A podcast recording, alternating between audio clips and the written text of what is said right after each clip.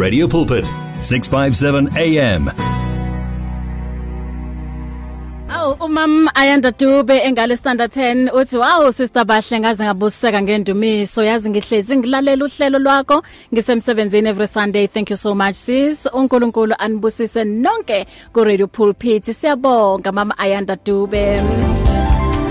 Uma Mntombi Nhlapo uthi hey amen haliphirimile unneya buroko lebo siqhobela. Umam Grace Ngwenye uthi greetings sisibahle I'm listening and I'm blessed uh, nge three songs in a row. Uthi ay iya rock impela.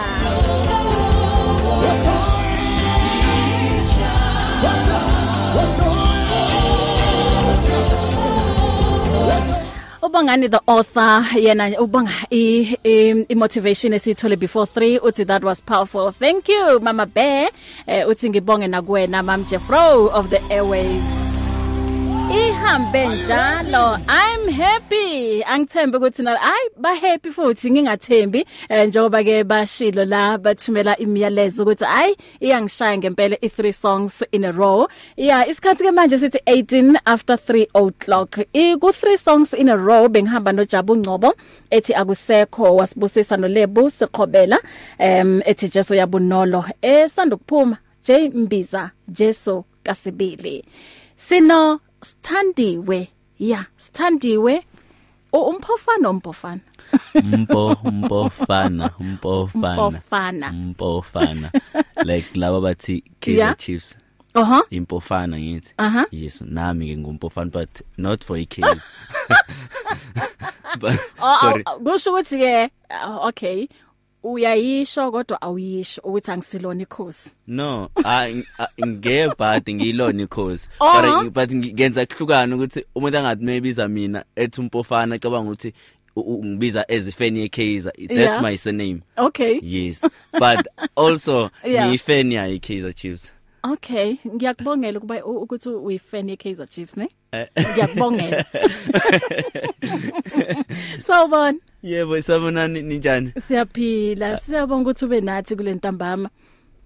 Eh ngibingelele kakhulu abalaleli bomsakazo iPulpit eh radio. Eh nakubona bonke nje abantu abalalele njengamanje ngiyabingelela ngibingelele ngokukhethekile kuwe sis Amen. bahle mhlapho ngiyabingelela igama lami ngusithandiwe ngokwampofana isibongo Yeah. all the way from KZN eh ngowasemlazi kahle kahle mina eThekwini but I'm based in Newcastle mhm yes Okay. Um u- u- ihluke njani Newcastle no- ne neTheku or umlazi?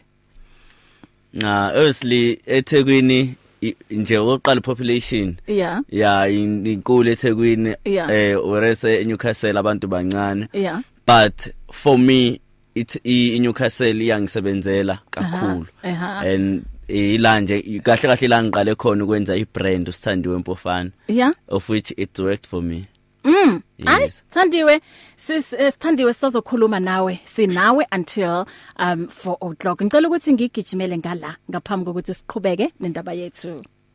You can now buy your favorite programs and series of the past 38 years, as well as books, CDs, and more on eCompanion, Radio Pulpit's own online shop. Visit radiopulpit.co.za and click on shop.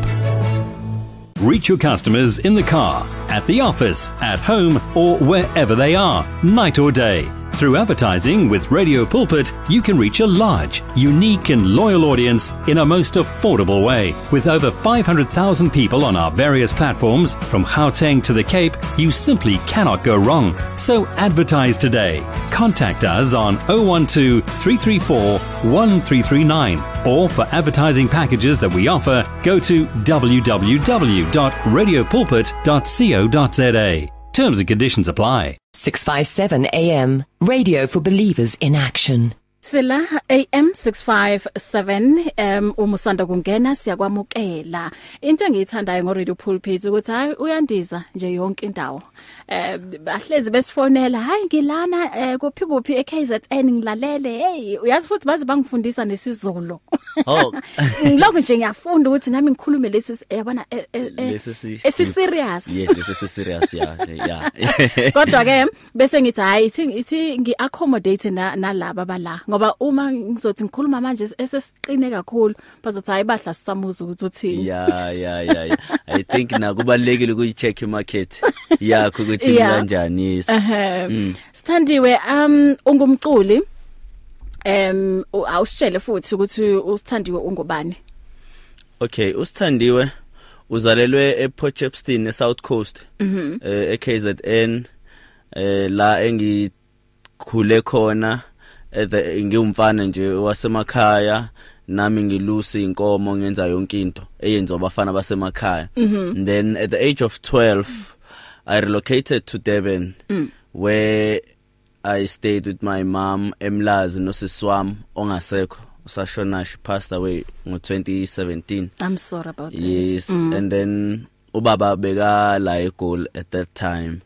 And ngakhula ngakhula ngakhula ngithe sengise high school eh ela ngiqale khona ukucula ekhwayeni esikole which was 20 2008 2006 ngicule ekhwayeni esikole. And then 2008 eh kunomunye umfo owangithatha wangicela ukuthi angabe ngijoin egroupini which was i, i group yase lokishini ebizwa ngothando ngaleso sikhathi uthando gospel singers. And then eh 2 years later ngathathwa umunye umfo okuthiwa ubongani wakanembula bekade ecula ku, ku abathandwa musical group. And then wathi mfethu sidinga ibass egroupini please oza because at that time I ngangadlali ngebass. Ngangenza sure ngangadlala ngangiplace kuphela. I remember ngangine skill sasesikoleni se Yeah. choral so eh, nga- ngangi ngangena inkinga yokucula ibass at that time. So wangithatha ngacula nabathandwa eh ngaze ngaphuma kubathandwa nje nje nje nje. Ya sengihamba ngiya eh eNewcastle. Ngenxa yokuthi ke ireason yokuthi ngicine ngiphuma kubona. Remember ukuthi ngithe ngikhule ngumfana wasemakhaya. Yeah. and then eh ngase ngi high school. E high school nakhona besihlala nomama nosisi wami so 2 3 and umama ngaleso sikhathi ube cleaner kwenye ama companies enze imoto eThekwini. And then at that time isimo vele besingekho right. Sihlala kumkhukhu. I don't know noma ni understand understand noma ngithi umkhukhu. Yes ubiza umkhukhu umkhukhu yes umjondolo. Aha. yes. Then sihlala emjondolo oyi1 so sonke sivuka la. So mokufanele gezo omunye fanele yabo like especially mina fanele vele ngiphume ukuze bageze baqede yabo? Ya nje kuyileso simo esinjalo. Then ukuhamba kwesikhathi eh sengifunde high school ngacula ngicula ngicula. Ngiba nenkinga ne day 1 ngomama ukuthi sibanga ukuthi eh after school ngisale ekhwayeni esikole kushaya half past 4 kuyimass dedelo kuthiwa sigoduka and then ngo 5 fanele sibe se practicing ne group and mina ngizofika ekhaya ngabo after 7 so sibanga ukuthi manje why ngizoswela ingane mina la ekhaya ngenxa ukuthi wena uyocula umculo umculo wani naloyo ucula ucula ini? Wena ngithe hamba esikoleni ufunde ngoba ngifuna ukuthi ufunde ubuze shintsha isimo sala ekhaya. Musu ungitshela ngendaba yomculo because remember abazali bethu babazali abakhula aba, aba abangakhulanga kahle. Futhi noma isebeyizama impilo yangaba ngalendlela bona babefisa ngayo. So lezi zinto zamathalente ukuthi wena uyacula udlala ibhola yena kuyena ubona ngathi uyayibambezela kahle kahle fanele ufocus ku education Yeah, not but- knowing ukuthi naye education i'm not saying abantu abangafundi. Yeah. ngiyile nami esikoleni ngaze ngafika ku tertiary yabo? But akubona bonke abantu abasetshenzelwa education. Yeah it's I- reality leyo yabona? But i'm not saying ukuthi abantu abangayi esikoleni and even umuntu oculayo manje or omncane sasesikolweni oyifisa ukuyibona ofisa ukuyibona edlala ibhola ngelilanga or ecula ngelilanga or actor but akayi esikoleni because ukuya esikoleni kuyawasha umqondo kwenza ube clean ube sober amen. Yes. kuyiqiniso. And lento oyishoyo i- um yebo.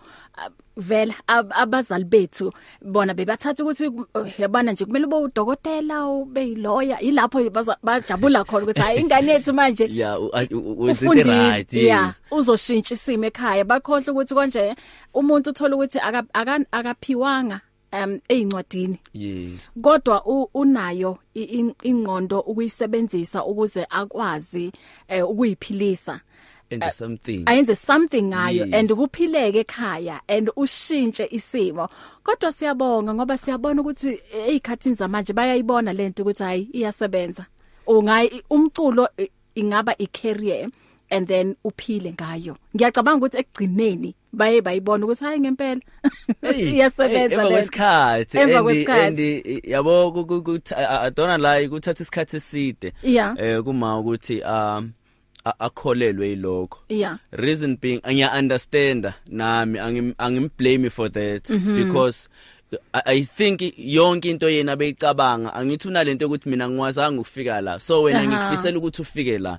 And even imthandazo yabo mabe mabesikhulekela besicelela uNkulunkulu uyathola ukuthi kubona ikho into enkulu njengokubona thina siphumelela. Yep yabo but mm -hmm. iproblem iba sekutheni abazi ukuthi sizophumela abazi aba angizothini bona banelesifiso sokuthi kufanele ingane yenze 1 2 3 but angazi kubuye kusale kuphi ukuthi yes nayo ingane nje buyifisela but mm. noNkulunkulu uhlelile ngayo Yebo. ukuthi lo uzoba into ethize ngizobeka into yami kuye engizoyisebenzisa ngesikhathi esithize ukuze ifike la ngifuna ukuthi ifike khona Mm, amen. Um uyazi lento oyikhuluma yonke um iwubufakazi. And ngiyacabanga ukuthi even nabanye abantu abasha kukhona bakuthathayo la kuwena ukuthi um you know uNkulunkulu angakwazi ukuthi asebenzise nanoma yini ukuthi ke agcine ashintsha isimo sakho. And ngi- ngiyaphinda futhi ngivumelana nawe ukuthi akusibo bonke okuwukuthi bazoya esikolweni bafunde and then kube ngoba bakhona abanye abakhalayo even namanje. Uhlezi ngedegree ekhaya akawutholi umsebenzi. And uthola ukuthi lo obe ebeyihasla uye manje ophumelele ngoba uye waba streetwise and uye wahlangana nabantu eh bambonisa ukuthi hey ndoda sihasela kanje thina la. Impilo iyancenga. Iya- iyancenga impela. impilo ngeke uyiphile ngenkani. Aha. eh moyiphila ngenkani that it's where uzofuna ukwenza ama shortcut and lawo ma shortcut remember wona futhi azokusondeza ethuneni. Mhm yeah. mm lawo ma shortcuts owenzayo isikhathi esiningi ayenza ukuthi umuntu asondele ethuneni isikhathi singakashayi yeah. Yabo? So u- u- u- ukwamukela ukuthi okay inayo impilo and incenge but kuyincenga kwethu mina nje personally eh umama ungikhulise ngenkolo e- ekseni ngo4 every day.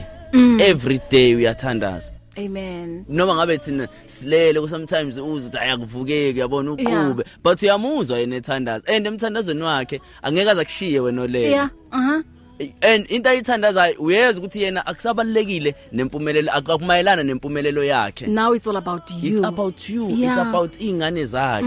And only to find ukuthi ingane eh, unfortunately ezinye ingane aliyonto azi aziyiboni. Mm. and uh, azi appreciate u- ingane ivuka ekseni ihambe yokwenza into ethanda ukuyenza. Ikhohle ukuthi kunomama ovuka every day. Abangixolele obaba angithi ngikhuluma ngami lana yabona? Mhlawumbe mangababeki obaba kube sengathi obaba mina ngihlalanga nayo yabona? Yeah. isikhathi esiningi.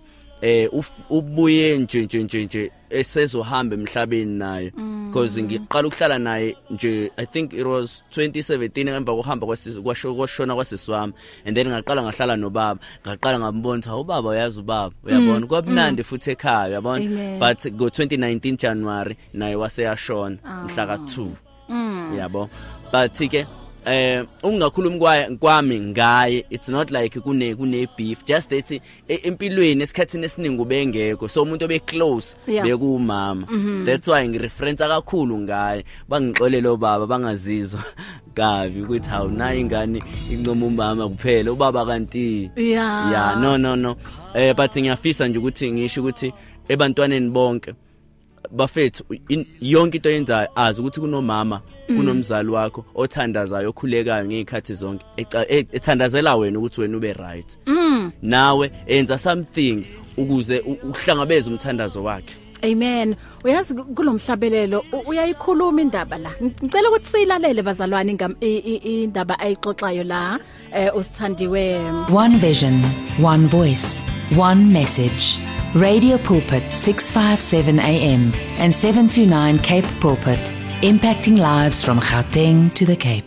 Did you know you can order your favorite Radio Pulpit programs on CD so that you can listen to them whenever you like? Contact our friendly client services department now to place your order. You will find them on 012 334 1200 657 AM. Your daily companion. Faith, hope, and love. Experience victory in your life on 657 AM. Uyazi angazi oh, ngifeel sad kancane nje. yeah you know because um uyazi ukuxoxa noNkulunkulu lomhlabelelo wakho ngiyawuzwa uyacela kuNkulunkulu and esikhatini esiningi sicela ngane ngomkhuleko so bokwenzakalani kuwe eh, ngenkathi ibhalwe wena lengoma yes. Bokwenzakalani empilweni yakho? Mm kahle kahle lengoma ingoma endala.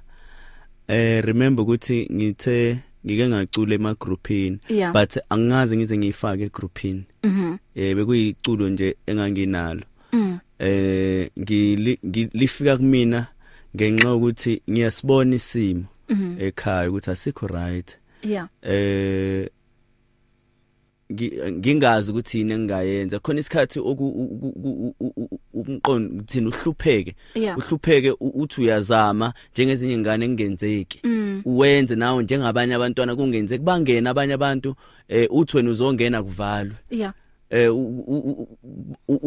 ufike wena kuvaliwe uthi uyasuka kuvulwe abantu bangena so ithwe ngagcina ngithi inkosi yami uNkulunkulu ngiphendule nami. Ngiyafisa ukufana nabo bonke abantu obaphendulile kuyo yonke imkhuleko yabo emkhulekweni yabo. Because ngaleso sikhathi sihlala emkhukhwini oyi1 nawo lo mkhukho akawu own uma umkhukho esu Uqashile. esuqashile yabona Hey, so uyabona ukuthi i- i- impilo nje ayikho right ayikho right and ayikho into ebhlungu njengongabi nalo ekhaya. Trust me uma uma kunomlalelo olalele manje uzo uzo uzongifakazela kuloko ngikusho ayikho into ebhlungu njengongabi nalo ekhaya. Yazi noma ungahlupheka u- u- u- ulala ungadlile but mase ekhaya us Yeah. right. Kunokuthi uthi usahlezi kufika umnikazi wendlu athi hayi bengithi ngizonibona nithi drink pen mm. And kumele ngikhiphe le cold drink because a- a- a- a- akwazi ukudlulana ngoba angithi nihleli ngale ndlela enhlezi ngayo yabo? But ngenhlanhla enkulu nomusa ngiyawubonga uNkulunkulu ukuthi ungithwalile eh kakhulu kakhulu kakhulu ikhaya nginalo namhlanje. Wow. And and I'm proud of myself. Wow. ngiyambonga uNkulunkulu ngalokho iyona into engihleze ngisho ngithi ay angeke angisho ukuthi fanele ngihambe manje yabo? But ikhona into egameni lami engizothi ngakwazi ukuthi ngiyenze ngamandla kaNkulunkulu not ngawami.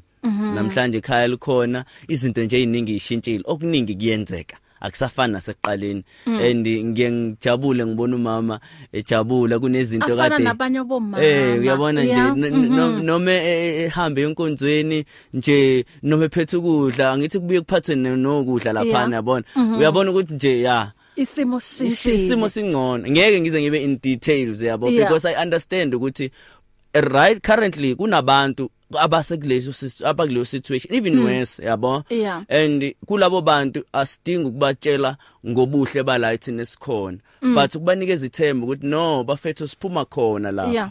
Yabo kuyenzeka but ngeke wenze lutho futhi ungenayo uNkulunkulu. Just invite God. Amen. Entweni yonke oyenzayo cela uNkulunkulu abenga kuwe ukuze kukwazi ukwenzeka. Amen. So uNkulunkulu kuphendulile la bowucela and waphendula imikhuleko yakho. That is why kunenye ingoma ethi ungizwile nami. Amen. Because ebangeni umuntu aselihambile nezinto ase aseyiachievile angakafiki la ngifisa ukufika khona. Yeah. But ngihappy la engikhona. Amen. Yes. iyona into ebalekile yes la engikhona ngihappy. Ayi ayi ayi leyanto engangeke ngangayibona angifiseli umuntu ngoba ngiyayazi ukuthi ibhlungu kangakanani. Yeah. even ukuye esikoleni ingane iphathe incwadi ngeyikhwama hey wena fanele usiphathe ngeplastic. If not plastic mhlawumbe uzonikezwe isikhwama omunye umuntu. Yeah. athi mfethu hayi lesikhwama ngisebenzise sithatha lesikhwama usisebenzise uyabona so ngiyayazi leyo mpilo. Ngiyayazi ngiphuma kuyona ngikhuluma ngento engiyaziyo ngikhuluma ngento engizwa ngabantu. So la engikhona ngiyambonga kakhulu uNkulunkulu. Ngaphandle kwakhe ngiyilutho haleluya Mm. Em uma uthanda ukuxoxa naye usithandiwe empofana umzwile hlabelela la ethi ngiphendule Nkosi. Ngiyacela eh nami nje impilo yami ishintshe. Ngiphile nje ngabanye abantu. 012 334 1322 or 0123338699 khuluma naye naye asesela ngoba uma uzombona le stage eNewcastle eThekwini e- la ePretoria ehlabelela angeke ulitho usithole eh ulithole ithuba lokuthi uxoxe naye. So uyabona uma uzokhuluma naye la uzombuza nanoma yini ongathanda ukuthi umbuze yona. 0123341322 noma nga WhatsApp um ku 0826572729 ungayisebenzisa futhi eh, i Telegram um i voice note ithumele khona lapho noma nga SMS ku 37871 isikhathi 15 um 38 ngiyabuya ngicela ukuthi ngindlule ngalawo Feel the pulse of the real life on 657 AM. 657 AM. The sounds of your life. If you need prayer, please send your request to prayer at radiopulpit.co.za or WhatsApp 067-429-7564 or go to Radio Pulpit website on www.radiopulpit.co.za. Discover an abundance of life. 657 AM. Silapho 24 hours a day 7 days a week AM 657 sithole na ku DSTV audio bouquet 882 zivuliwe incingo uma uthanda ukukhuluma nosithandiwe um, 0123341322 um asiye lapha kuma WhatsApp eh ubongani the author uthi mina ngihambela nephimbo lika mnumzane Mpofana.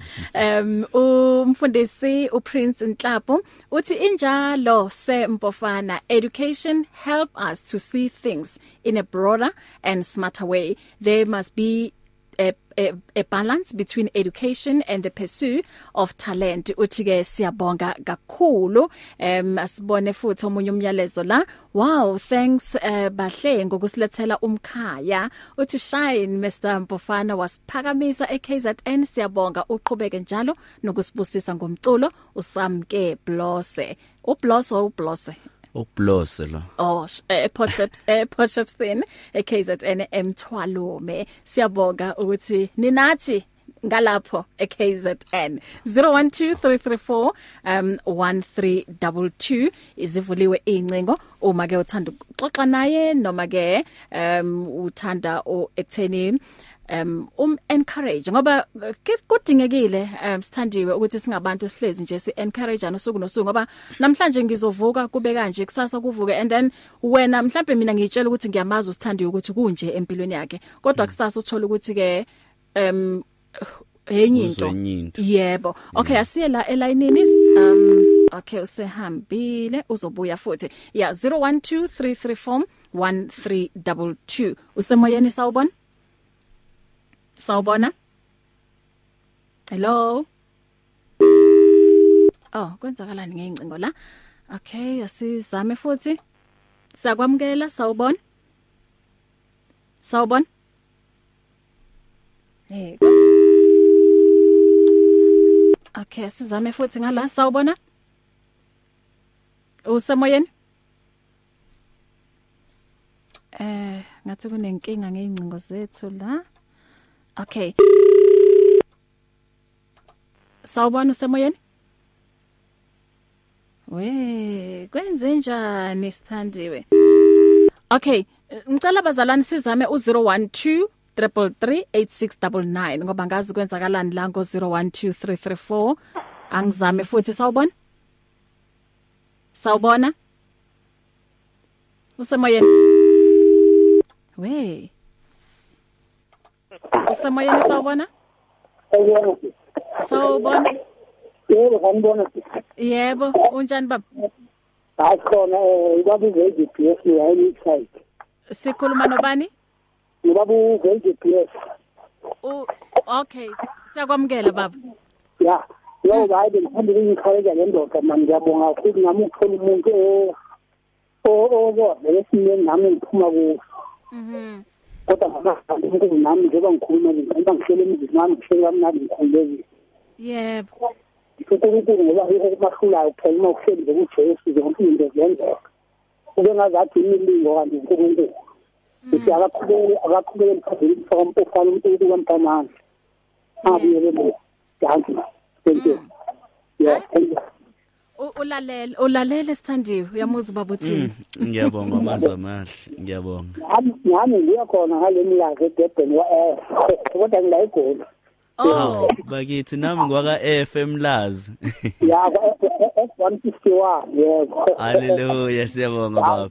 Yemse kwami uNkulunkulu abe ngawo sethi yazi kulesimo esikhulumayo kunjalo futhi sikhule ngena emakhaya kodwa uNkulunkulu namhlanje ngihlele ekhaya lami namanje ngihlele eVrandile ngihlele kamnandi ngikhululekile haleluya uhlele veranda yazi unethesekile nginatekele ngibhayisikili yami ngoba ngihamba ebhayisikili haleluya thank god hayi siyabonga ke thank you thank you baba. Siyabonga baba. Ubonga thina. Am- amen. Mm. Yeah um 0123341322 hey yazi bese bese ngiphatheka kabhlungu ngithi hawu ay- ay- yenza njani le line? Ifuna ukusdisappoint ay iyaganga yazi. um okay ngiz- ngizokhuluma kakhulu manje ngomculo wakho uma sesindlule ngalaqala sawubona usemoyeni? Sawubona? Le line kusho ukuthi inenkinga le. Um ngicela sizame u012333 8699 sibona ukuthi kuyona ngeke sitholane kahle bazalwane. 012 3338699 ngoba nangu u012334 ungathi nje unginikeza inkinga yes eh, zama u012 3338699 usemoyeni sawubona? Yebo njani siyaphila njani baba? Sikhona yazi yimi lona lokho uthi uyayibamba inqamuko inqamuko cha. Oh. eh eh no no. Eh ngicela ngicela ukugodla igama kodwa ngwakampofana oh siyakwamukela baba. Eh eh cha ngiligodla nje igama ngoba kana umfodo lento ayikhulumayo nginobufakazi bayo ngiyayazi. Mhm. Eh cha kuvamisile abanye abakhuluma iqiniso lingekho balakhe but kuze kube manje so far ukhuluma iqiniso. Yep. Simbonile uNkulunkulu esebenza ngaye nami ngufakazi mm mm. Eh kodwa into emsize kakhulu mina ayibona uNkulunkulu umenzi waba nechodi ngimdala nakuyena kodwa somewhere somehow kukhona into ezingene nami sengingela kuyena wow eh mm so nje ngi- ngi- ngi- ngicela ukuma lapho ngingaze ngene kakhulu ngitho details ehe kodwa nje kona akushoyo ngiyakwazi ngufakazi ukhule phambi kwami futhi Amen. ngiyambongela nje eh ngiyambongela uNkulunkulu umsebenzile kakhulu amen Aka- a- a- angayeki ke angayeki nokuthandaza ngoba uyindoda e- eyayo esontweni siyabonga Ncanyana ngiyabonga Zulu. Ima- Ngiyakuzwa Zulu ngiyabonga. Noma noma ngathi uyal- uyaligodla igama Ah, lakhe Wakithi, wakithi ngiyamuzwa ngiyabonga. ngianonima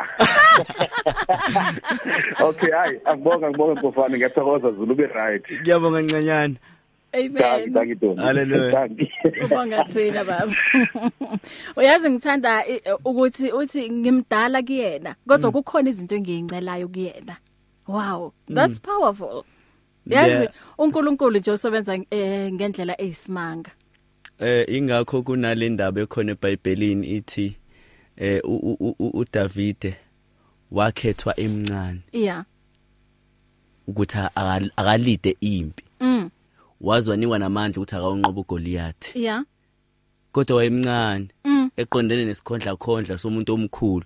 Kodwa ngenxa ukuthi wayenoNkulunkulu wayengahambi yedwa. Yeah. I i- mistake esenzayo nakuyona industry yokucula eh uNkulunkulu yakuphi i- i- italent ebese ebeka ugcobo yeah. Uma ususu usubo ususukhohli ukuthi lento akusiye yakho uNkulunkulu ususugcobo kusala italent. Yeah. Uthi uya- uyakwenza ukwenza uthi uyacula. Abantu bangakuzwa. Ngoba sosuku usebenzisa wena usebenzisa wena isekho lento kaNkuluNkulu ehlala kuwe.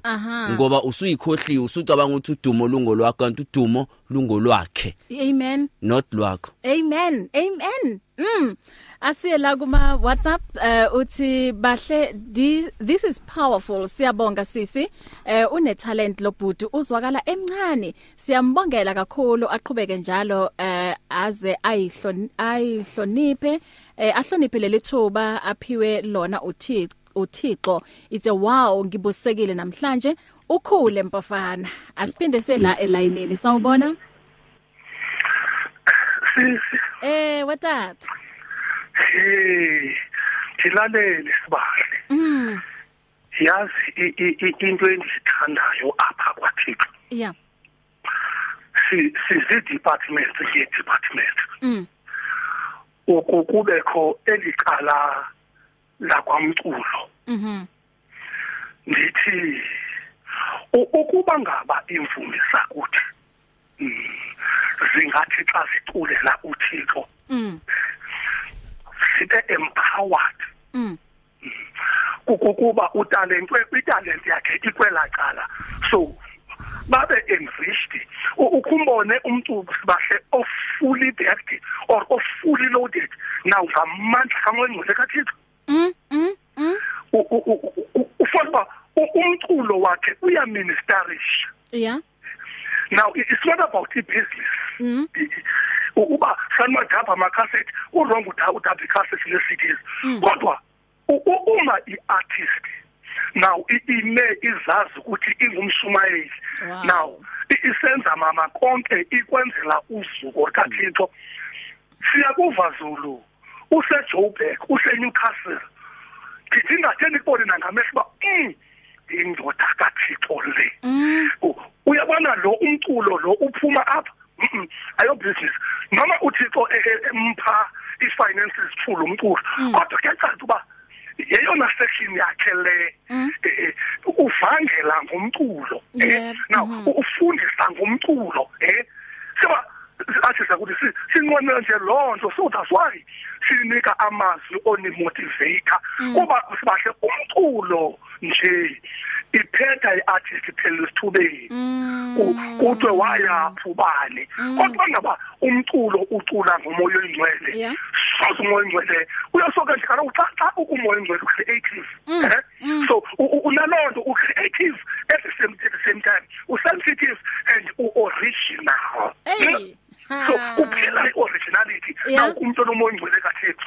So dasakithi babandla kwethu inkosi nisikelele ibe nani nicule nikuye umoya oyingcwele kathixo. Amen. amen ngiyabulela haleluya haleluya siyabonga. Siyabulela mfundisi bangani. Thank oh you, Makhulu. amen ndiyabulela baba.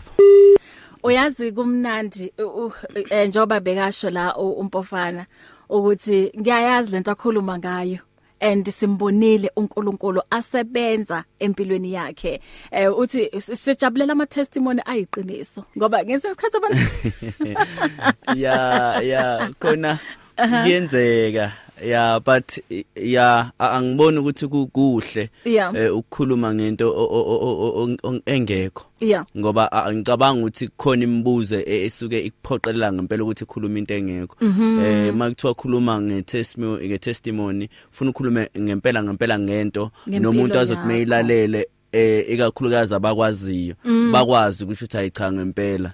Siyamazi uNkulunkulu ukhona because remember as noma ezisabantu sama 70 kaNkulunkulu Mm. eh ngokulimo olujwayelekile sifana nabantu abama ambassadors Yes. kaNkulunkulu Yes. so yonke into yenzayo ufune wazi ukuthi bazothi how ikholwa liyenza ini kanje aha uyabo umuntu okholwayo uyenza ini kanje Yeah. there is why bethu angangitsheli mina ngamakholwa amakholwa 1 2 3 Mm. ngoba babuka ukuhamba kwethu ukuthi Mm. asihambiso kwakhe Mm. Ukuhamba kwethu fanele kuyifuze kumfuze yena Yep. ukuhamba kwethu fanele senze u- u- umunye umuntu mayibuka athi ngaze ngafisa ukuba nje uyazi Yeah. mangingaba nje Mhm. ngingaba right Amen. Mm, sifuna abantu abasha ukuthi ngempela eh ba- bayalihlabelela leli vangeli bayalikhuluma leli vangeli baphinde futhi em baliphile. Umam Ayanda em engale estandard 10 uthi hi again sister Bahle no Bhuti Sithandiwe. A very powerful testimony. Kuko konke okushoyo ngifunda ukubaluleka kuku appreciate impilo o- uThixo asiphe yona because life it's total is totally not easy la ngaphandle kuyiqiniso um umyalezo bengufunda phambilini lothi bahle um this is um wonderful siyabonga sisi. Uh, une talent lobhuti uh, uphuma lapha kuSbo Madishe. Um omunye la ngazi igama ubani? Uthi keep it up um mpofana so unama album engaki manje? Hmm. ngine album eyiwane yokuqala ngiqale.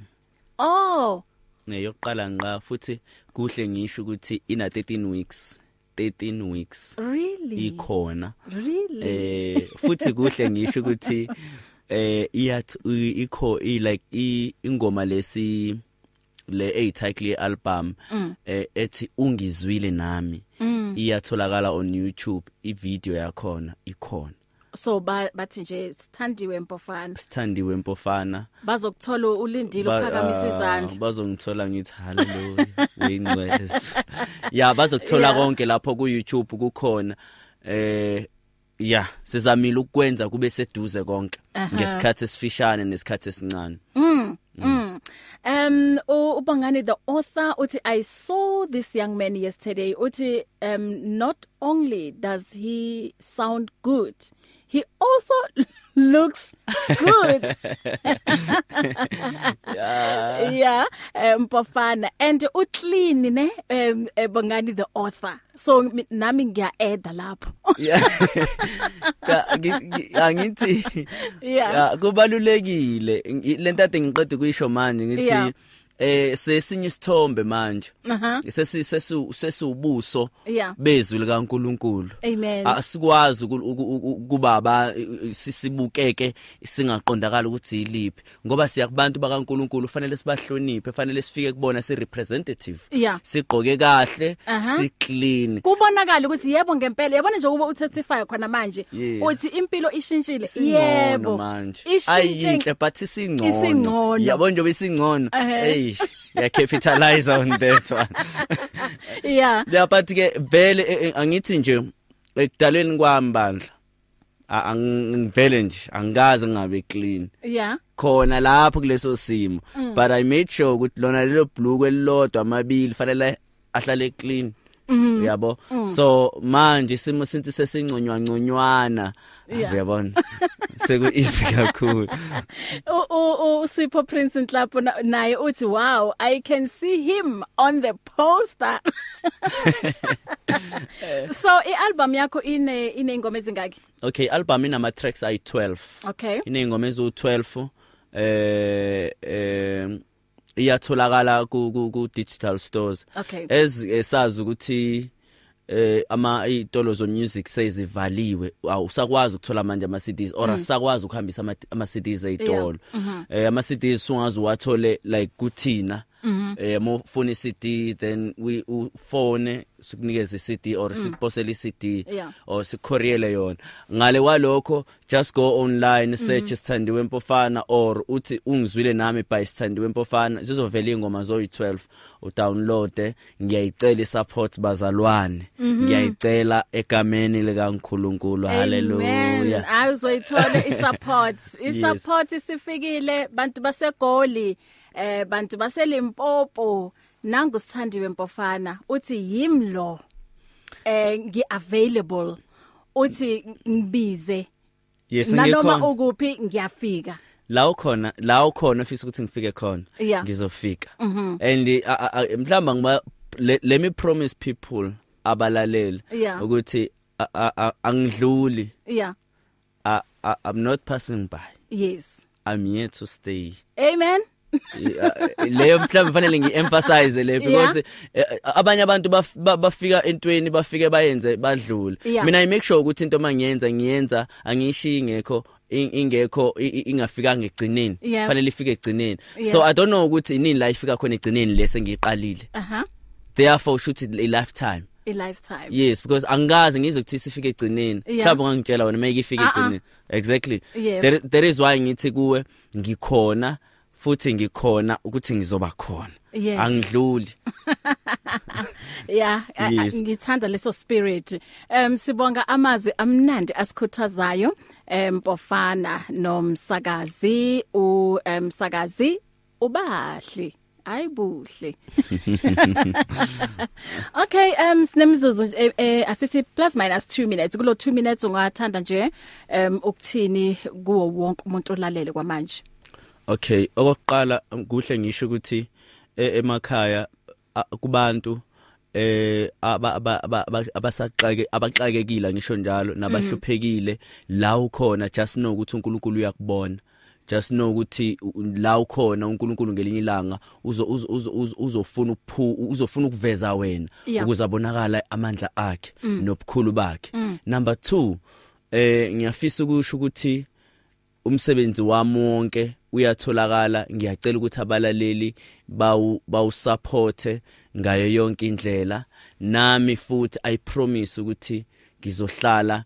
Ngiwumuntu othobekile eh ngiwumuntu omesabayo uNkulunkulu ngekhathi zonke. Amen. Okwesithathu ngiyacela ngiyacela ngiyacela isupport. Nga- ngaphandle kwesupport angaba ngikho la engikhona manje. Yeah. because remember from day 1 ngisacula ema groupini kwakunabantu ababesha ukuthi ndoda yazi ukuthi mawungakhipha into yakho uyazi ukuthi u- ungaya kude Yeah. and lonto iya- iyangenza ngafika la engikhona manje. And angikho eduze but angakafiki la ngiyakhona. Yeah. Kodwa ngikho eduze Aha. from where la ngisuka khona Amen. Lusaqhubeka lo lo hambo. And uyathembisa ukuthi nanoma kungaba nama potholes ngeke ngingene kuona be- ngingaphumi. Ngizophuma bese ngiqhubekela phambili ngoba uthi I'm here to stay. Angiyindawo. yes it's part of life I- I- I- ama ama ama inkinga Yeah. ama ama ama problems nama complications empilweni it's part of life ngeke kuhlale kumnandi e- e- e- empilweni futhi ngeke kuhlale kukumbi. Yeah. it's part of life. Journey Yeah. asihambe nje ngayo sikhululeke makhona into exakile endleleni ukhona nomunye umuntu oxakwe isimo esi- esingaphezulu kwalesakho just know ukuthi okay oh hayi okay angibeke kuzodlula ngiqhubeke nempilo. A- Ang 2 seconds nje. Ngiphe baba. Uthini kulomhlabelelo? okay. Ngikuyona manje industry. Mhm ngicela uNkulunkulu angipha amandla okunqoba. Izitha izitha ngikhuluma ngabantu. Yeah. kuphela khuluma ngamademoni afikayo kumuntu amenzisa izinto engafanele ngabe uyazenza. But agcine zenzile uze umuntu ethi u- u- xa- u- le ngiyayibhema lento angisathandi. Yeah. why ungathandi? Umbethwe yinto ethi engathi ungenza lento ngicela uNkulunkulu angipha amandla nginqobe. Amen. kungenzeki into engizothi mangiyenza i- i- ibe ihlazo phambi kwaNkulunkulu Mm.